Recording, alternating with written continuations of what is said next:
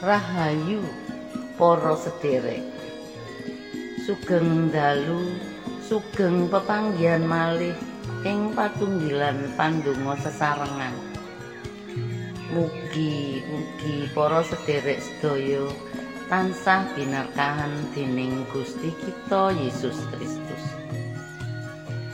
Ing wanci dalu menika sumangga kita nyawiji ing manah marek wonten ngarsanipun Gusti ing salebeting pandonga. Sesarengan kalian kula Ken Larasati. Sakderengipun ndedonga sesarengan sumangga kita purwakani kanthi parpening kidung pasamuan Kristen Jawi. Tigang atus sangang dosa padha sepisan dumugi tiga ingkang badhe kalantunaken dening sederek Yohana. Kairing musik sederek Itasari. Gunakno wektumu paringi Gusti. Thank you.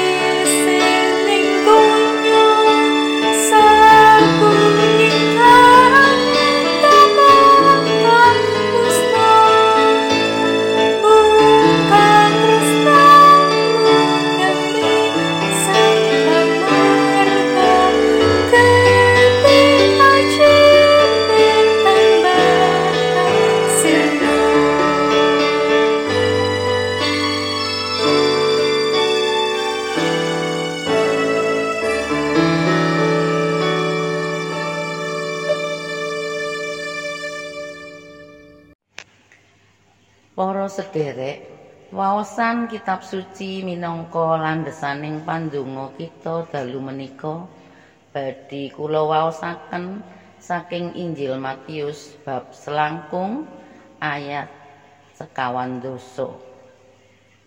Sang nata bakal paring wangsulan. Satemene pituturing sun marang sira samu barang kabeh kang sira tindakake kanggo salah sawijining seduluring sun kang asor dhewe iki iku iya sira tindakake kagem ingsun. Para sederek kinasih paring wangsulanipun Gusti Yesus minangka sang nata ingkang badhe rawuh ing dinten wekasan menika sisah dipun mangertosi menawi anggen kita nampi kanthi pamanggih namung mligi sesambetan ingkang vertikal. Dumateng Gusti kemawon. Lan boten wonten sesambetanipun secara horizontal inggih menika sesambetan kalian sesami. Kosok wangsulipun kasetyan lan peladosan kita dumateng Gusti badhe ketingal saking patrap lan tumindak kita ingkang purun leladi kanthi kebak ing katresnan tumrap sesami langkung-langkung ingkang asor piyambak. Para sederek kenging menapa Gusti Yesus tansah nelakaken perkawis-perkawis ingkang asor kados dini gelandangan ingkang kerapan utawi keluwen ngorong lelono compang camping panyandangipun. Ringkih sakit-sakitan ugi naropidana ingkang kinunjara.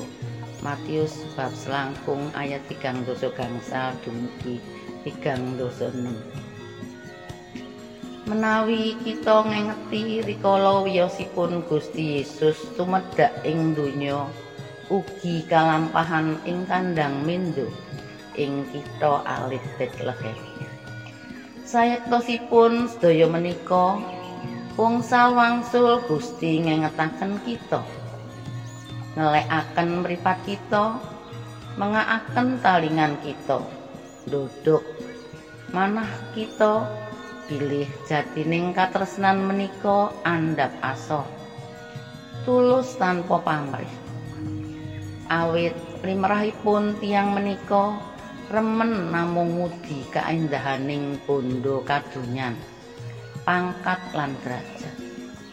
Kamangka barang kang ana isining donya sagunging kang endah bakal musna mung katresnanmu demi sang pamarta gedhe ajine tan bakal sirna kados pepujin ingkang nembe kita repekaken kala wau. Para sederek, tuwuhipun pandemi Covid-19 ing wanci punika inggih wonten ing pangreksanipun Gusti. Saestu Gusti Yesus wonten ing satengahing pagesangan kita. Nawi sadangunipun pandemi menika kathah sederek-sederek kita ingkang kerapan ngorong nandang sakit. Kangelan nyekapi kabetahanipun sandangan. Ngragati larinipun ingkang kedah nglajengaken sekolahipun lan sanes-sanesipun. Menawi kita estu kaberet lajeng gumregah tetulung andum katresnan dumateng sederek-sederek kita ingkang asor menika kanthi tulus tanpa pamrih tanpa etangan lan tanpa nggadahi panyangka culika. Estunipun kita inggih sesambetan kalian Gusti Allah piyambak.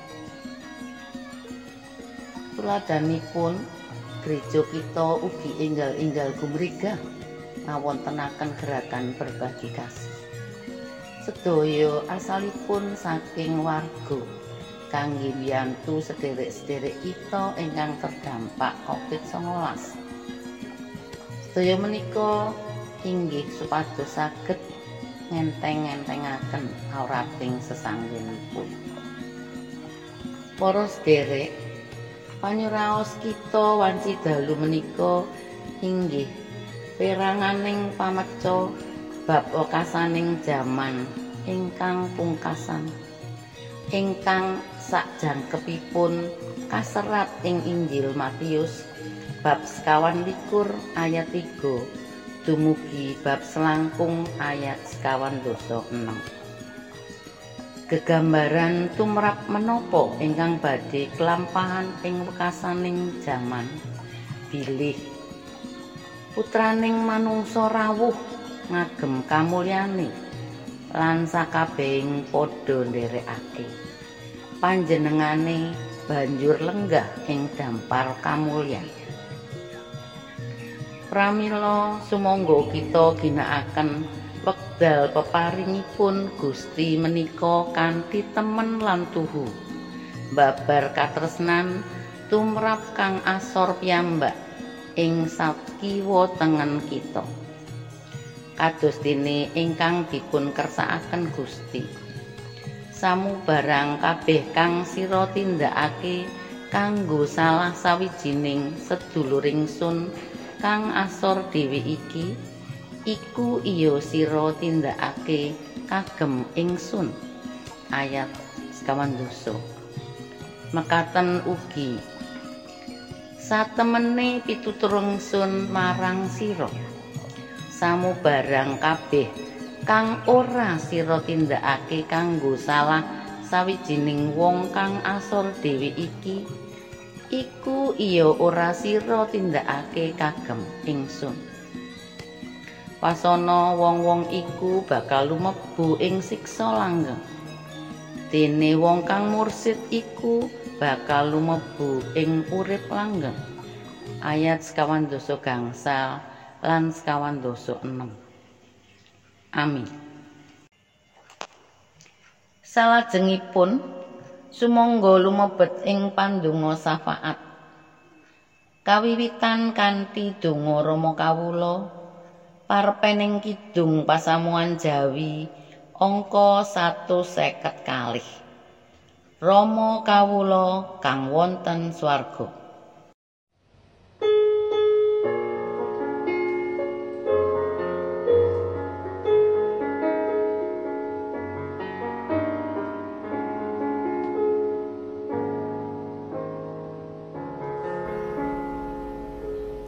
Rama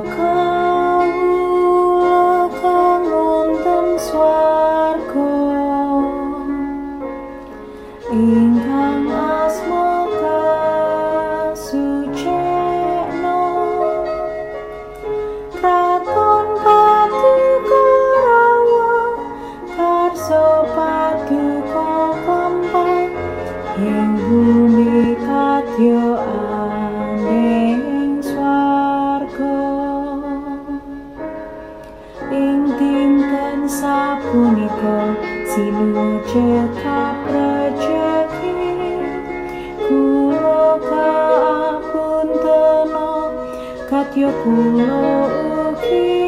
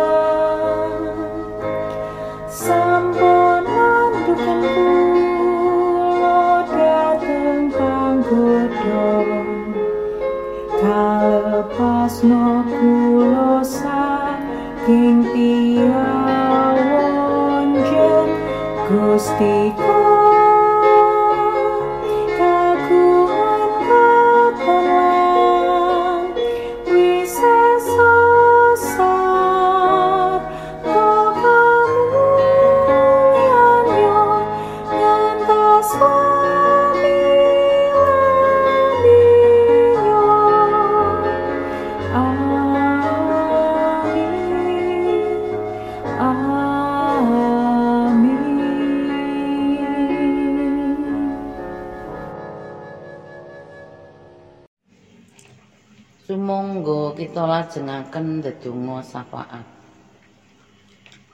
Duh Pangeran Yewah ingkang adhedhampar ing kratoning swarga. Kawula sesarengan patunggilan kagungan paduka. Sebo konjuk wonten ngarsa paduka ngaturaken panuwun syukur awit lubering berkah paduka tumrap gesang kawula. Estunipun kawula ngrumaosi alit ing manah awit kawula dereng saged nindakaken dawuh paduka kanthi sembodo. Mirunggan Bapak Weweh tumrap sederek-sederek ingkang kawastanan nista popo lan asor piyambak. Kawula asring menawi badhe peparing dumateng tiang miskin taksih mikir-mikir nggadahi panyangka culika kawula langkung nengenaken lelados dumateng tiyang ingkang langkung kawontenan. Nggadahi pangkat lan derajat. Awit pamrihipun badhe nampi imbalan.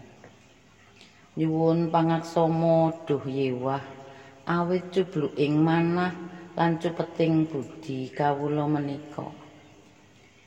Kasagedna kawula tansah kaalekaken pripat kawula kawengaaken talingan kawula.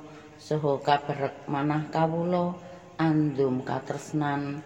Tumrap sederek ingkang asor. Malih-malih ing swasana pandemi menika. Wonten sih palimirma paduka kawula nyuwun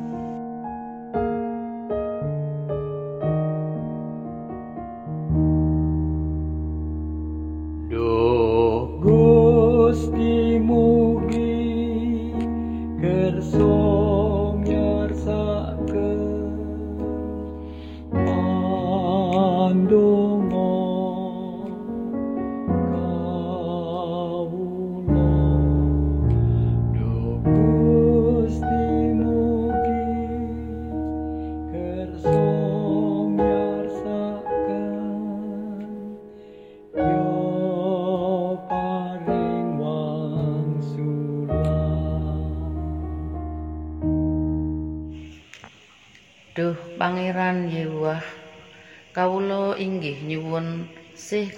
kawelasan paduka tumrap sederek-sederek kawula ingkang sami gerah awit memolo virus corona menika. Sae ingkang nembe katular langkung-langkung ingkang sampun sawetawis dangu dereng mantun. Mugi enggalo pikantuk jampi lan kasarasan. Lumantar obat-obat ingkang kaparingaken saha tindakan medis ingkang katetepaken sarta sedaya pambudidaya lan pangrukti saking para medis dokter juru rawat lan perayatipun sarta para relawan ingkang nyengkuyung pamrantasing memolo virus corona menika. Mugi paduka tuntun lan berkahi satemah jalari kesarasanipun ingkang nandhang kasisahan awit tinilar kekasihipun pinaringana panglipuran. Ingkang nandhang sekeng lan kacingkrangan awit sansaya nipis kagunganipun. Amargi mboten saged nyambut damel kanthi lancar lan wonten ugi ingkang usahanipun mandheg. Mugi enggal pikantuk margi kangge nyekapi kabetahaning pagesanganipun. Mugi-mugi kathah sederek-sederek sanesipun ingkang tumungkul tinimbalan cawe-cawe andum katresnan ngenteng-entengi awrating sesanggenipun sederek ingkang betahaken. wonten sih palimirma paduka kawula nyenyuwun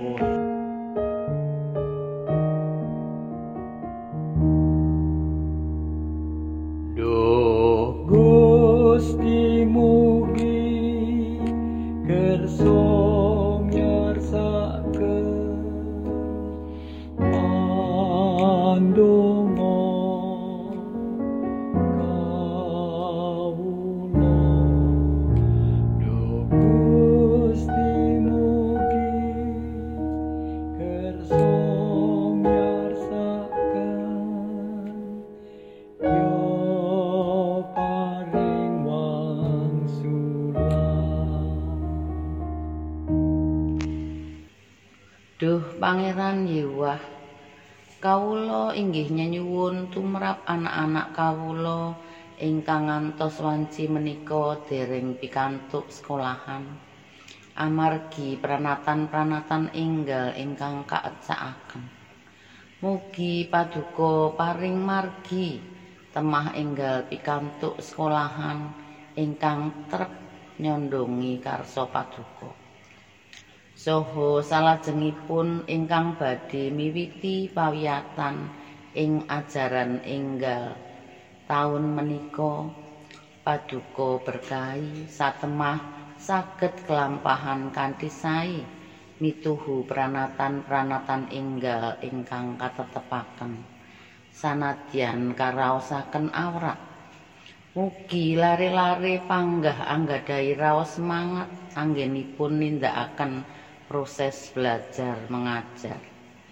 Para guru lan tiyang sepuhipun paringana kawicaksanan lan kesabaran. Kawula inggih nyuwun tumrap bangsa lan nagari kawula Indonesia. Paringana kawicaksanan lan kategesan tumrap para pemimpining bangsa. Satemah kanthi permadi lan titis anggenipun netepaken pranatan-pranatan enggal supados perekonomian saged lumampah malih dunia usaha saged bangkit malih. Pengangguran sansaya kirang boten nuwuhaken cecungkrahan lan pandamel dursila. Keamanan lan ketertiban estu kajagi katentreman lan karahayun Proto karaosaken rakyat Indonesia saking Sabang ngantos Merauke saha saking Pulo Nias ngantos Pulo Rote. Kawula ugi ndedonga tumrap ladosanipun gereja-gereja saindenging donya. Mugi kasagedna nyawisaken peladosan-peladosan ingkang trep laras kalian swasana sak menika. Kanthi titis lan ngatos-atos anggenipun nemtokaken kegiatan-kegiatan ingkang badhe kaladosaken. Kanthi ngatosaken protokol kesehatan. Sanadyan awrat nanging anggenipun leladi mbabar katresnan paduka lan martosaken Injil paduka saged kalampahan kanthi prayogi wonten sih palimirma paduka sedaya pandonga lan panyuwun kawula menika kawula aturaken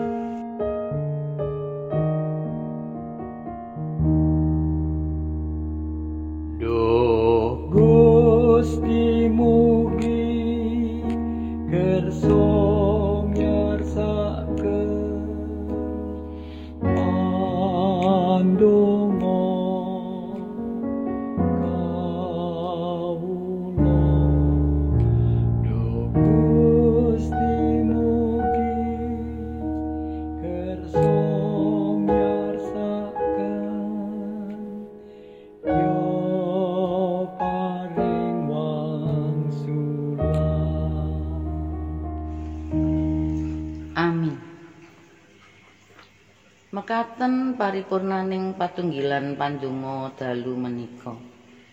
Ing wasana kula ngaturaken sugeng dalu sugeng asu Gusti njagi kita sedaya. Matur nuwun